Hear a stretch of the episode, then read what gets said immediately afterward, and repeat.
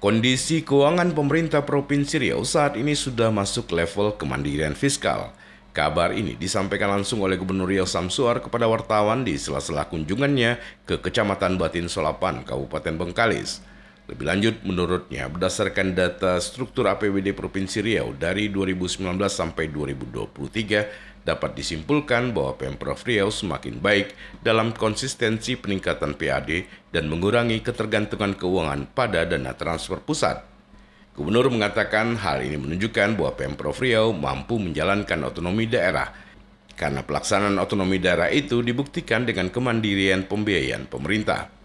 Gubernur menyampaikan tahun 2022 telah terbukti bahwa postur APBD telah didesain menggambarkan kemandirian fiskal, di mana komposisi angka PAD lebih besar dibandingkan dana transfer pusat, meskipun Riau sebagai daerah penghasil. Dengan demikian, Pemprov Riau secara pasti menuju derajat desentralisasi lebih baik sebagai bukti jajaran Pemprov Riau mampu melakukan tata kelola pemerintahan yang lebih baik atau good governance. Ya ini kan menunjukkan bahwa kita mampu melaksanakan otonomi daerah karena kemampuan pelaksanaan otonomi daerah itu dibuktikan dengan kemandirian kita dan rangka untuk membiayai dari penyelenggaraan pemerintahan.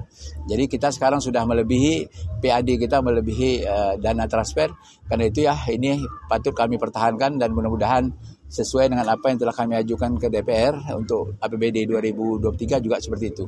Jadi mudah-mudahan dengan usaha ini kita harapkan juga bukan berarti nanti mengurangi dana transfer, tapi kita harapkan nih makin memacu nanti dari petugas-petugas kami yang pemungut pajak yang ada di daerah ini semakin semakin giat dan mudah-mudahan juga bisa lebih besar.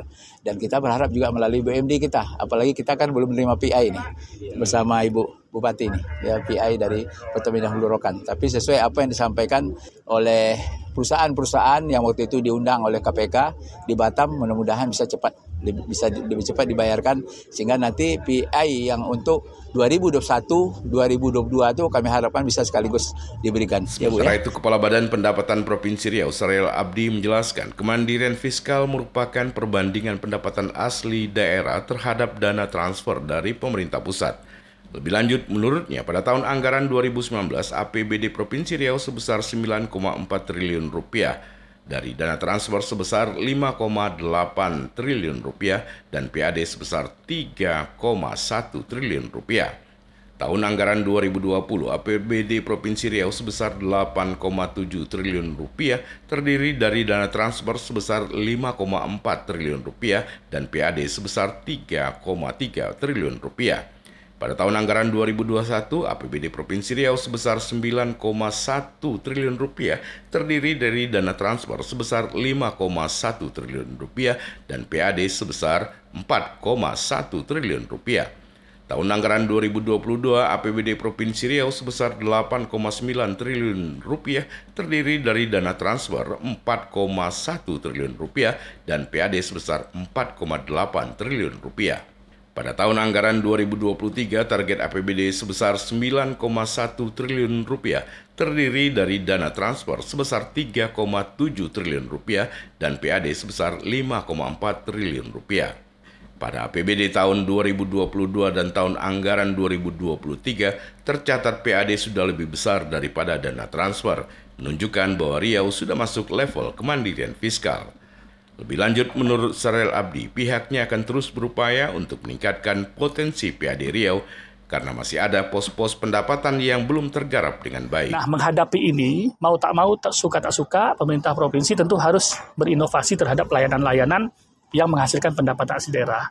Oleh karena itu, kami berterima kasih kepada rekan-rekan OPD yang uh, menjalankan uh, retribusi, yang kemudian mengelola pendapatan kekayaan daerah yang dipisahkan, Nah, alhamdulillah kabar gembira juga eh, kontribusi BUMD kita berupa dividen itu juga semakin baik, sudah semakin produktif.